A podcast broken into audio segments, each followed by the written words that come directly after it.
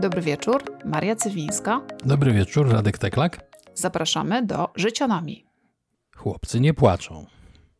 Chłopcy muszą robić swoje. Chłopcy muszą być twardzi. Chłopcy muszą utrzymać rodzinę i zarobić pieniądze.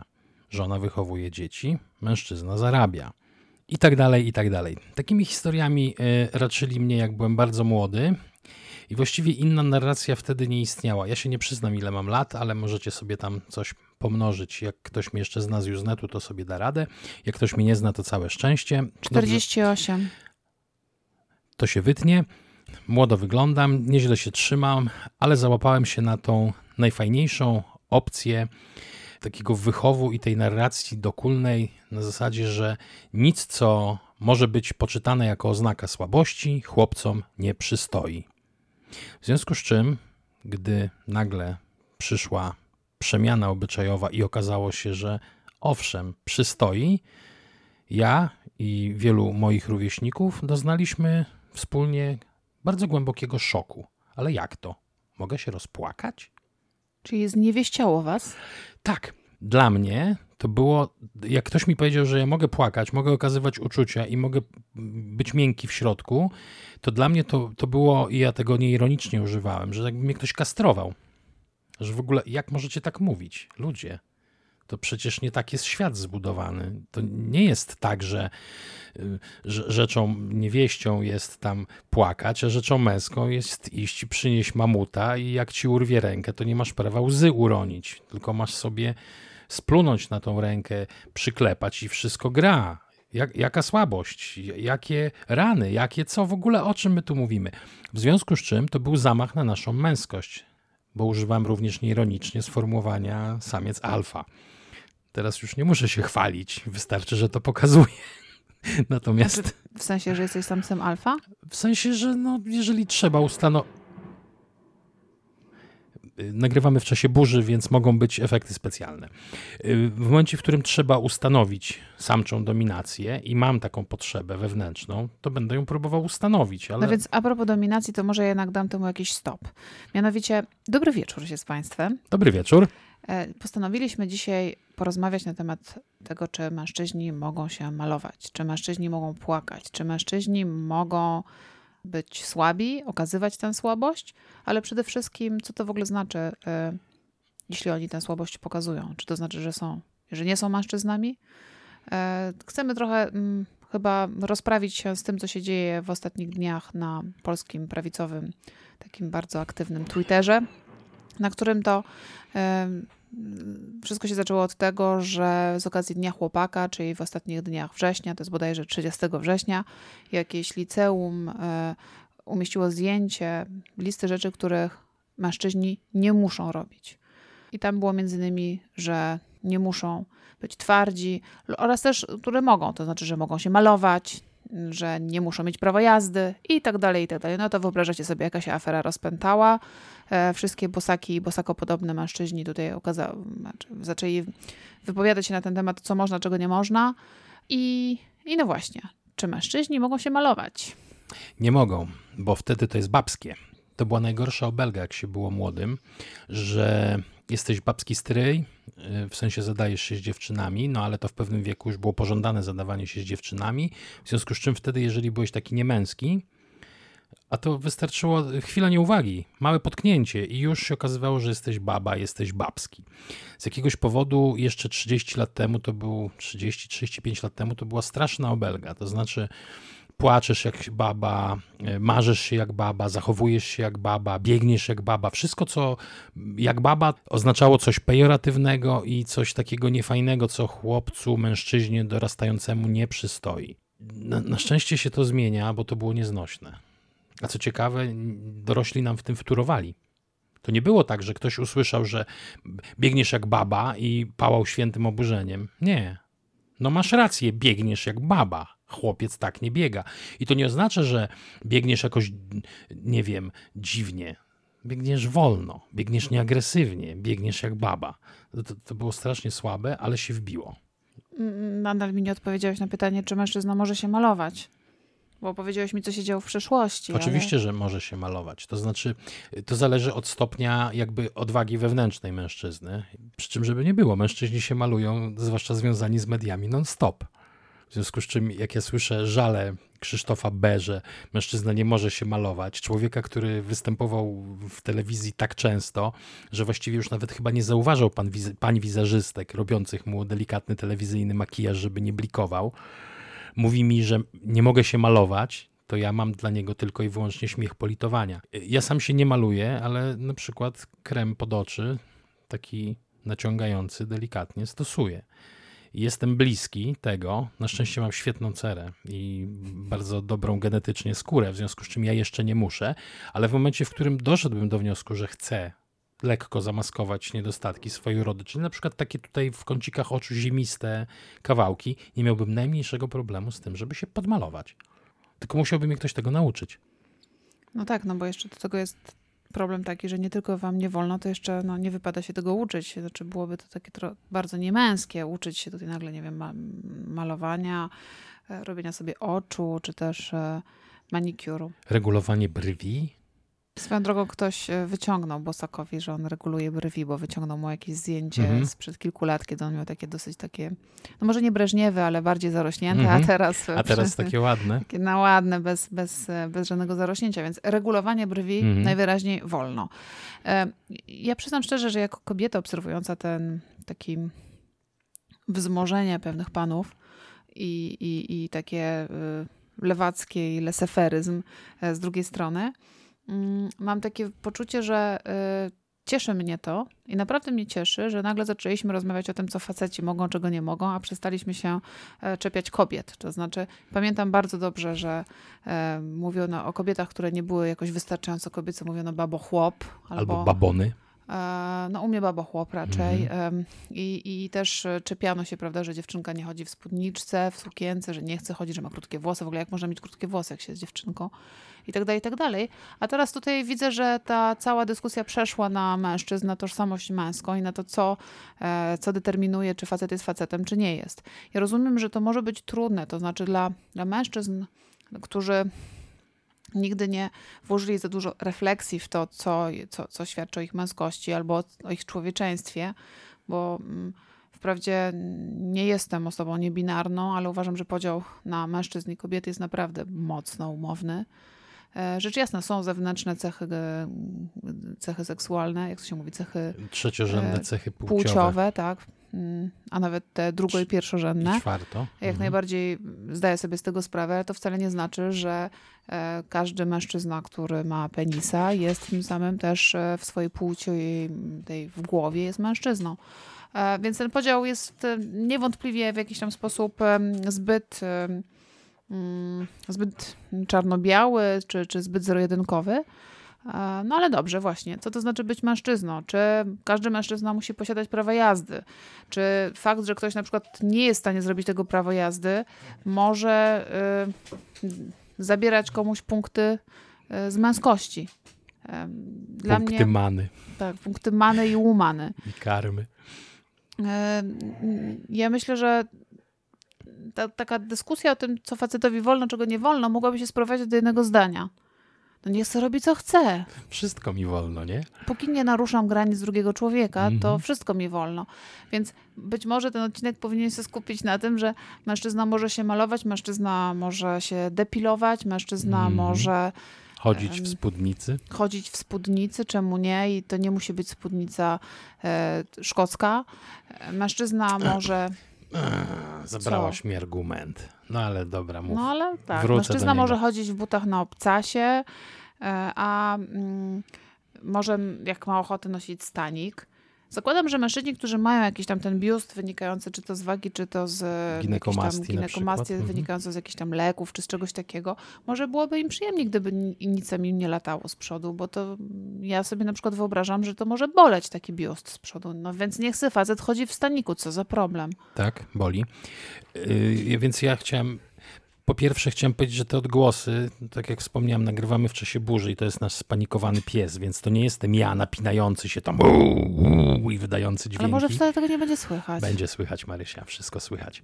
E, to wy, wydający odgłosy samca alfa, a nie wiem, czy jest jeszcze jakaś litera przed alfą, chyba nie. W każdym razie e, chciałem do tych spódnic wrócić, bo ja jak w ogóle słyszę, że spódnice są niemęskie. Powiedzcie to Szkotom. Facet w kilcie wygląda zajebiście. Wiem, bo mam.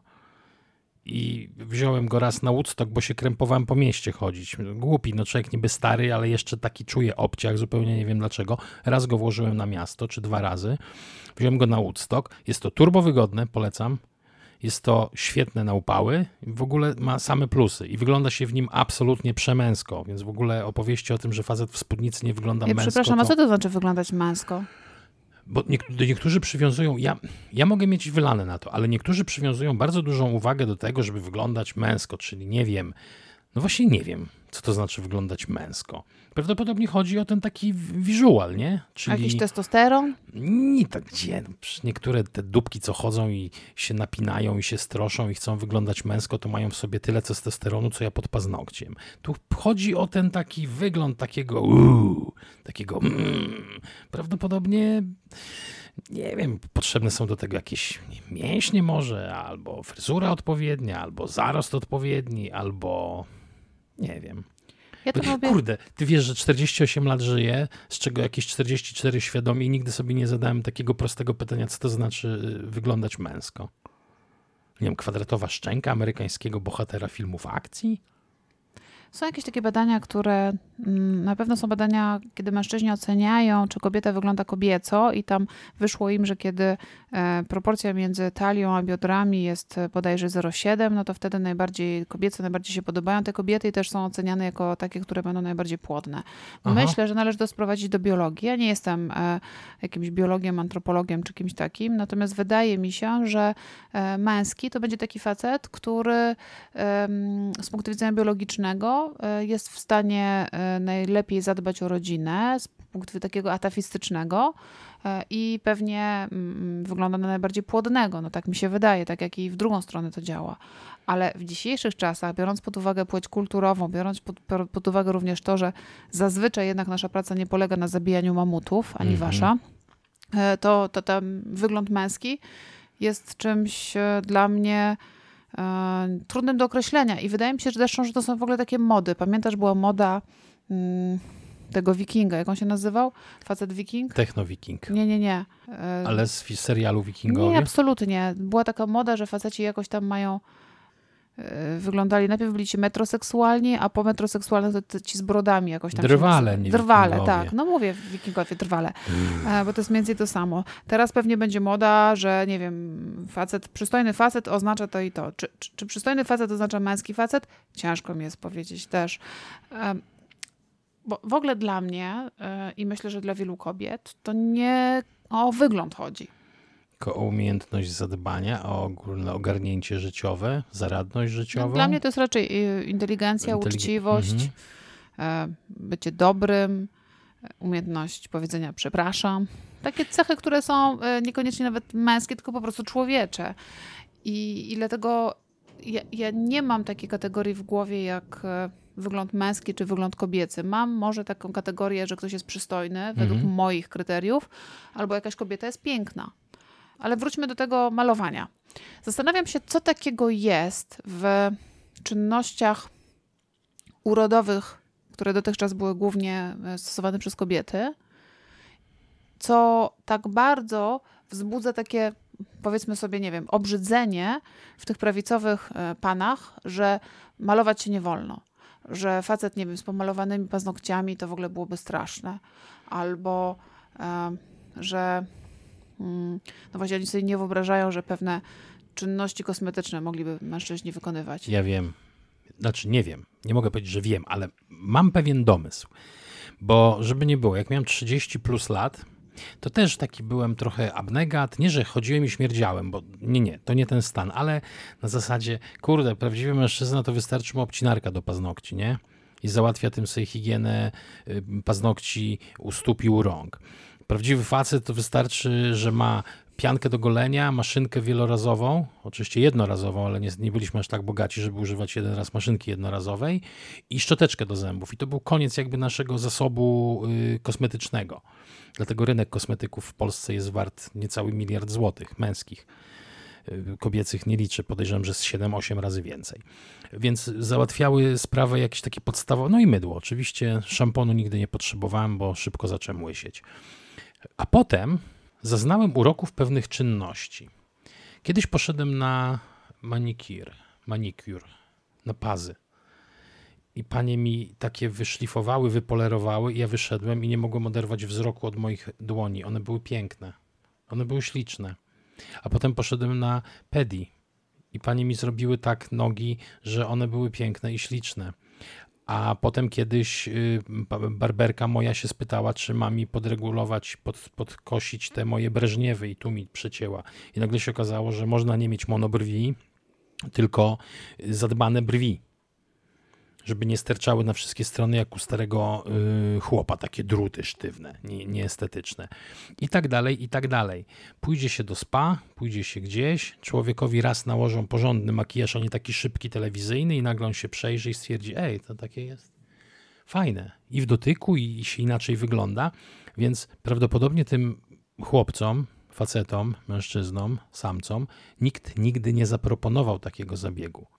Bo jakby im ktoś zaproponował, to oni mogliby się zorientować, że to jest fajne i że to wcale nie jest niemęskie, tylko to jest po prostu świetne i Nie wiem, ja się zastanawiam, czy jest tak, że dbanie o urodę, czyli o pewien wizerunek zewnętrzny, o pewną powierzchowność, dlaczego to jest uważane za słabość? Bo ja tak to odbieram. To znaczy, że oni uważają, że takie, tego typu dbanie to jest jakiś rodzaj słabości i, i że facetowi nie wypada, ponieważ wtedy on się zachowuje właśnie jak baba, a baba jest słaba, a jestem ta płeć silna i ja mi tak nie wolno. E, I w ogóle też miałam taką mm, myśl, jak sobie czytałam te wszystkie tweety takie zaangażowane, że strasznie to jest smutne życie, kiedy ustawiasz sobie, co wolno ci, czego nie wolno, i, i, i że wszyscy inni muszą dokładnie tak samo postępować. Przyznam szczerze, że nawet miałam takie skojarzenie z, oczywiście z Kościołem katolickim, z dekalogiem, z różnymi innymi zasadami. Zwłaszcza, że często ci prawicowi panowie są wierzący i praktykujący w ten czy w inny sposób. E, I miałam taką myśl, to będzie takie trochę dalekie skojarzenie, ale może nie aż tak strasznie dalekie, że kiedy ja mm, odchodziłam od kościoła, to zdałam sobie sprawę z tego, że teraz będę musiała sobie sama tworzyć mój własny kręgosłup moralny i moje własne decyzje etyczne i już nie będę miała takiego dekalogu, ponieważ no, mogę zakwestionować każdy element tego dekalogu, skoro już nie, nie chcę być w kościele. W związku z tym muszę sama na bieżąco decydować, samodzielnie i z pewną refleksją, czy wolno mi zabić, czy nie wolno mi zabić, czy wolno mi ukraść, czy nie wolno mi ukraść. I że to jest dużo trudniejsze. Więc pomyślałam sobie, że ci panowie, którzy e, na co dzień stosują dekalog i wiedzą właśnie, co im wolno, czego im nie wolno z punktu widzenia moralnej nauki Kościoła, takiej moralno-moralistycznej w ogóle takiej mm, bardzo sztywnej i restrykcyjnej. Być może dla nich takie ustawienie, co jest męskie, co jest kobiece i takie jasne podzielenie jest e, łatwiejsze. Bo oni wtedy nie muszą, nie muszą żadnej refleksji przykładać do tego, czy to jest mężczyzna, czy to jest kobieta. No wiadomo, kobieta ma spódnicę, długie włosy i biust. Czyli co, nie będziesz się czynił na obraz i podobieństwo niewiasty? Nie, nawet nie stwierdzę, że to Pan Bóg coś takiego powiedział. Nie, nie, nie sądzę. że oni sobie tak mówią. Ale oni sobie raczej właśnie, oni sobie ustawiają pewne granice, bo tak jest prościej. Wtedy, kiedy masz e, pewien zestaw rzeczy, które ci wolno, których ci nie wolno, które sobie narzucisz, mhm. to naprawdę nie musisz się zastanawiać. Niewątpliwie jak z zewnątrz nie masz dekalogu, jak z zewnątrz nie masz systemu, to ty musisz za każdym razem znowu podejmować decyzje. A tak, jesteś oskryptowana po prostu. W jakiś sposób tak. Tak, masz, wchodzi ci coś, jakieś, jakaś rzecz, która wzbudza twoją wątpliwość, pismo ci na nie odpowiada, albo nauka kościoła, albo cokolwiek i ty wypluwasz jakby od razu wynik. Nie musisz y, rozkminiać sobie tego w głowie, czy, czy ja będę się czuł w porządku, jak włożę buty na obcasie. Ale raz jeszcze, ja bym tego nie mhm. wiązała z katolicyzmem. Ja bym to wiązała tylko z taką potrzebą uporządkowania swojego świata mhm. y, behawioralno-moralnego. Nie Bo ty powiedziałeś, nawet... pismo powie, nie powie. Nie, nie, to nie, w ogóle to nie o to chodzi. To było wcześniej, taki żart miał być na rozładowanie, ale widzę, że nie wszedł. Chodziło, chodziło mi o to, że y, w wyniku jakby... Dobra, chodzi mi o to, że jak masz wzór y, gotowych zachowań, Nieważne, czy spowodowane tym, czy tamtym, po prostu taka wygodna proteza y, na życie.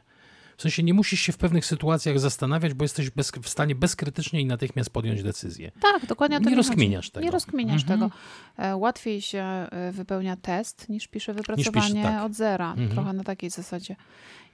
I, dlatego myślę, że dla nich to jest pewnego rodzaju drogowskaz. To nie jest, to nie jest tak, że jadę tym samochodem bez GPS-a i tak po prostu wsiną dali, nie wiem gdzie dokąd dojadę, tylko mam bardzo konkretnie zarysowaną trasę, jedną, może dwie, ale ta druga jest zazwyczaj gorsza i Mhm. mniej właściwa. Że, że tak powiem, tak, tak szukając takich analogii z innego świata. Mm, I to jest jakby jedno, co myślę. A drugie, co myślę, to myślę, że mam takie wrażenie, że człowiek, który dobrze się czuje w swojej płciowości, dobrze się czuje w swoim ciele i, i wie, kim jest, nie ma potrzeby takich sztywnych podziałów. On nie musi ciągle podkreślać. Ktoś mi kiedyś powiedział, że jak ktoś ci mówi cały czas, że jest szczęśliwy, to prawdopodobnie niekoniecznie jest, bo on tak sobie to mówi, bo musi to sobie podkreślać, przypominać o tym. Aha. Myślę, że tak może być podobnie w stosunku do takiej płciowości, czy takiego właśnie mm, swobody w odczuwaniu swojej, swojego ciała. Mm, A to tak na marginesie bardzo dobre hasło, że ja się czuję bezpiecznie ze swoją seksualnością i różowego się nie boję. Dokładnie, dokładnie Mhm. tak. I natomiast ktoś, kto może niekoniecznie się z tym dobrze czuje, albo ktoś, komu powiedziano, jak był mały, że nie wolno dotykać siusiaka, ponieważ to jest grzech, I ci odpadnie. i ci odpadnie, albo cokolwiek. E, Albo ktoś, kto nigdy nie miał okazji, żeby przegadać tej seksualności, bo nie dano mu edukacji seksualnej w szkole, albo ktoś, kto uprawia seks e, tylko po ciemku i e, przy, przy pod kołdrą, bo i nawet nie wie, jak wygląda, nie wiem, mężczyzna nie wie, jak wygląda wagina, bo nigdy nie miał okazji się jej, jej przy, przyjrzeć. Myślę, że taka osoba ma tyle w sobie pytań, tyle takich napięć, tyle być może rzeczy nie, niewyjaśnionych, em, że ona potrzebuje sobie popodkreślać. Ona potrzebuje powiedzieć, tak, tak, ja tutaj jestem mężczyzną, fa, fa, rafa i w Mhm. ogóle, a, a ty w tym różowym sweterku i z, ze zrobionym manikurem to, No to gej. to gej, a jeśli nie gej, to jakiś mm, nie wiadomo co. No wiadomo co, ale nie będziemy tutaj siać mowy nienawiści. Natomiast tak, ja się tutaj y, nie mogę z tobą nie zgodzić, bo za często widziałem takie właśnie zachowania, że, że ludzie jakoś się czują tak bardzo, bardzo niepewnie. I nie wiem, z czego to wynika, bo nie ma jakby jednego wzorca. Ciężko wyczuć, nie? Bo widzisz faceta, który wygląda jak drwal, który jest w stanie się przez żelazną sztabę zębami przegryźć. Y, A, widać, że pewne sytuacje, pewne historie go strasznie krępują. Ale to strasznie, tak jakby, tak jakby, nie wiem, świeżo pozyskał tą swoją heteroseksualność. Tę świeżo odzyskana leworęczność. Próbowałem szukać wzorców, ale później przestałem, bo stwierdziłem, że nie ma to najmniejszego sensu. Powiedziałem tak bardzo różne osoby, niepewne swojego małego, że nie byłem w stanie jakby znaleźć jednego mianownika takiego zewnętrznego. No bo wiadomo, że gdzieś tam pewnie pod spodem coś się kryje wspólnego dla tego typu zachowań i dla y, potępienia malowania paznokci przez mężczyzn. I znowu mam kolejny przykład, jak mi ktoś powie, że pen Gillette jest niemęski, bo ma pomalowany na czerwono paznokieć małego palca, to go oczywiście, że wyśmieje. Ja myślę, że tu jest też kwestia takiej socjalizacji i tak jak kobiety są e, wpędzane do kuchni, do posiadania dzieci i e, do Opieki tego, żeby nad opieki nad domem, że do tego, żeby nie miały zdania na, na żaden temat i na wszelki wypadek, żeby e, zgadzały się ze swoim mężem, a póki nie mają męża, to są niepełnowartościowe. Tak myślę, że mężczyźni są wpędzani w taką rolę, że oni muszą być silni, że oni muszą e, spełniać oczekiwania tego świata, że to oni właśnie muszą chodzić na polowanie i e, zdobywać te bizony. Nawet jeśli one, oni by chcieli sobie posiedzieć w domu i pogotować i zajmować się dziećmi, to, to nie mogą tego robić. Od nich się oczekuje e, siły, mm, odwagi, Adrenaliny. adrenaliny, ale też takiej bezczelności. Zazwyczaj myślę, że też oczekuje się ekstrawertyzmu od nich, podbojów, zwycięstwa. bycia, bycia mm, e, walecznym. E, Przecież nie można powiedzieć drugiemu facetowi weź mnie podstawówce, tak? Chłopakowi weź mnie nie bij, bo, bo No nie, nie, chce. No, nie, przecież nie. Trzeba, trzeba, trzeba oddać. Hona solo za garaże. Mm, Musi być honorowy, musi być taki i tak dalej, i tak dalej. I to są wszystko też etykiety, które być może w zestawieniu z tymi etykietami, które kobiety dostają, te etykiety brzmią lepiej, ale one tak samo upupiają. One tak Mhm. samo utrudniają bycie tym, kim się chce być, czy tym, tym na kogo cię stać. No wiadomo, że wielbłąd baletnicą nie będzie. A z drugiej strony, jeśli wielbią chciałby założyć baletki, no to niech próbuje, czemu nie? Oczywiście, że tak. Pewnie nawet by mu się zmieściły. Ta twoja wyliczanka też odpowiada na jedno proste pytanie, dlaczego mężczyźni żyją krócej. Nie dlatego, że oni robią głupie rzeczy. W takim znaczeniu dosłownym typu jadą na motocyklu i z niego spadają. Nie o tym myślę. Myślę o tym, że mężczyźni żyją krócej, między innymi z tego powodu, że nie dają sobie prawa do okazania tej słabości. Bo to się zaczyna od małej rzeczy, że jak ja się ogolę tą brodę u Barbera na ładnie, to może stwierdzą, że jestem jakaś taka ciota. Że taki jestem nie za bardzo facet. A kończy się tym, że gość ma ewidentną depresję, ale nie pójdzie do lekarza, bo do psychoanalityka, psychologa czy psychiatry to chodzą ludzie psychicznie chorzy, a jestem przecież doskonale zdrowy, mi nic nie dolega. Ja nie mam przeszurwanej ręki, a że mój mózg krwawi, broczy, mój umysł i moje, moja dusza, to już jakby nie jest, y, też oddzieliliśmy, faceci mam wrażenie, dużo bardziej ciachnęliśmy na pół sferę duszy od sfery ciała. Jak ciało jest ranne, no to się opatrzymy jakąś, byle jakąś szmatą, polejemy spirytusem, przytkniemy sobie coś tam, kurwa, do boku, żeby przyżegnać ranę i możemy gnać dalej a na schorzenia ducha w ogóle nie zwracamy uwagi. One dla nas nie istnieją, jakby. Nie jestem ranny. Nie można mnie zranić w głowie. W głowę można, w głowie nie. No i potem padamy masowo na serce, na depresję, na jakieś inne nieleczone choroby, bo nikt nam nie powiedział, że można inaczej. Że można być słabym. Że można być słabym. Że słabość nie przekreśla twojej męskości. Ja tak sobie jeszcze myślę, że aktualnie w przestrzeni publicznej mam takie wrażenie, że przebijają się dwa obrazy. One muszą być bardzo trudne dla Was. Bo jeden obraz to jest obraz faceta, takiego właśnie rywala, który jest silny i e, on będzie miał piękną żonę, oczywiście niższą od siebie, bo jakże to, żeby facet miał wyższą od siebie kobietę. Skandal. I on będzie miał ładną żonę, ślub, wszystko piękne, gromadka dzieci, taki, taki mężczyzna z, ze stoka, bym powiedziała. Tak, tak? mężczyzna zrealizowany i spełniony. E, I, i, i on... Państwo stokowscy. Tak, państwo stokowscy, tak. dokładnie. I to jest jeden taki obraz facetów w przestrzeni. Myślę, że w tej przestrzeni mm, prawico-katolickiej to to jest taki jedyny obowiązujący. A z drugiej strony mamy takich facetów e, dziwnych, takich naprawdę ekstremalnie, ekstremalnie rzadkich. To są tacy mm, faceci, którzy prowokują swoim wyglądem. To są tacy faceci, którzy. Ale e, do czego prowokują? Do agresji czy. Nie, nie, nie. Oni prowokują. Prowokują pewnie tych takich właśnie stokowskich. Oni chcą pokazać, to znaczy, to są ludzie, którzy są, czasami są homoseksualni, czasami są jakimiś artystami, czasami są niebinarni, czasami prowokują swoimi słowami, czasami swoim wyglądem.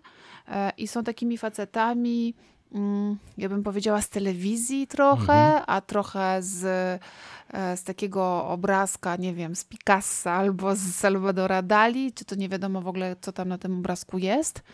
I gdzieś mm, wydaje mi się, że pomiędzy Stokowskimi, a ty, tymi takimi prowokującymi swoim mhm. wyglądem, brakuje e, takich przeciętnych facetów takich, co to ani nie jest nadmiernie przystojny, ani nie jest nadmiernie brzydki, ani nie jest nadmiernie szczupły, ani. W przestrzeni publicznej mam wrażenie, w takim opisywaniu, kim są mężczyźni, mamy albo Stokowskich. A, w opisywaniu. Tak. Dobra, czyli nie ma y, w narracji publicznej swojej reprezentacji to, co widzimy na ulicy tak naprawdę. Tak. Okej, okay, tak, dobra. Tak. Bo, bo I myślę, że wam mhm. może być trochę ciężko, dlatego że jeżeli macie do wyboru um, katolickiego, prawicowego, stokowskiego albo bardzo kolorowego, prowokującego faceta z, z potrzebą gdzieś tam widoczności, to brakuje tej takiej przeciętnej ścieżki. Aha. A przeciętny facet jest przeciętny. Tak, tej drogi środka brakuje. Tej drogi środka. Tak, faktycznie. Bo o ile kobiety są niektóre bardzo piękne, prawda, w tej takiej narracji publicznej, niektóre są e, mniej piękne, niektóre y, są szczupłe, niektóre są grubsze, niektóre są starsze, niektóre są młodsze, żeśmy już jakoś przebili się z naszą różnorodnością kobiecą, z naszym pięknem rozumianym na różne sposoby. E, niektóre są eleganckie, inne są kolorowe. Nawet jak się pójdzie do sklepu e, z ubraniami, to tych serii, takich różnych kolekcji jest bardzo dużo różnych dla Mhm. kobiet. O tyle mam wrażenie, że dla was są albo takie Czarne. bardzo klasyczne, albo popierdolone. A po środku niczego. Okej, no może, może i faktycznie jakby nie kombinować tej przeciętności jest większość, nie? Tak, oczywiście. To jest oczywiste. Yy, Z skrajnych, stokowskich i tych niebieskich ptaków, nazwijmy ich, ale nie w tym znaczeniu z komuny, bo niebieski ptak to był Tęczowych taki... ptaków. Tęczowych bardziej, tak, tęczowe ptaki. To po środku jest właśnie całe morze takich, taka cała, cały gradient tej przeciętności. Od takiego zakurzonego urzędnika do takiego gościa, który jest o jeden krok od bycia tęczowym ptakiem, ale coś go powstrzymuje. On na przykład na weekendy będzie. Na przykład w sobotę wyskoczy na miasto ubrany zupełnie inaczej, tak na ulicę by sam nie wyszedł nigdy, albo na jakiś, na jakiś festiwal tak pojedzie, się ubierze, gdzie nikt go nie zna, ale tak normalnie jest jakimś tam w miarę konserwatywnym, w sensie takiego jakby zachowania nie, nie, nie poglądów, nie światopoglądu człowiekiem. I masz rację, że jest jakaś taka niedoreprezentacja, że pokazuje się skrajności, ale wiesz, no to się klika. To się ogląda, to się czyta, więc wiadomo, że zawsze Ale ja bym chciała odzyskać tę przestrzeń właśnie dla takich przeciętnych facetów, e, po to, żeby, żebyście wiedzieli, że, że można i tak, i tak. To znaczy, przeciętny facet może mieć pomalowane paznokcie, Mhm. a przeciętny facet może też być w bardzo kolorowym ubraniu. I to może być zupełnie inny przeciętny facet. Przeciętny facet może mieć, e, tak jak mówiłeś, zrobione brwi albo jakieś em, fryzury, albo nie wiem, pofarbowane włosy. I to też może być przeciętny facet. A przeciętny facet może latem chodzić w spódnicy, bo jest mu gorąco i to nadal może być przeciętny facet. To Tak. n- nie musi być zestawienie tych wszystkich cech jednocześnie na jednym człowieku. To tak jeszcze tu w ramach podpowiedzi. Słuchajcie, latem kilt jest genialny. Jest taki piękny przewiew dołem. Ja dopóki pierwszy raz nie włożyłem na siebie i nie wyszedłem na miasto, w- ja w ogóle kiedyś chodziłem w sarągu e, na jednej z imprez, bo to była bodajże polowa zbiórka harcerzy starszych. Ja wtedy pierwszy raz poczułem uroki przewiewu oddolnego, kiedy nie krępują cię spodnie. A więc y, tak, kilt jest świetny, to tak jeżeli mogę. Ja chciałem jeszcze ku przestrodze, jeżeli to jest dobry moment, czy może potem. Ku przestrodze chciałem jedną rzecz powiedzieć, dwie rzeczy z mojej historii, krótko. Ja byłem takim właśnie twardzielem przez bardzo długi czas i skończyło się to tym, że chodziłem na treningi dosyć wymagające, y, formy z bronią tai chi, z zapaleniem płuc, jak już miałem prawie płuco prawe utopione. Ja nie, nie rozumiałem, dlaczego mnie tak kuje w boku, ale nie poddawałem się słabości, bo szedłem drogą smoka czy jakiegoś innego niedźwiedzia, no w moim przypadku niedźwiedzia, y, aż zacząłem pluć krwią.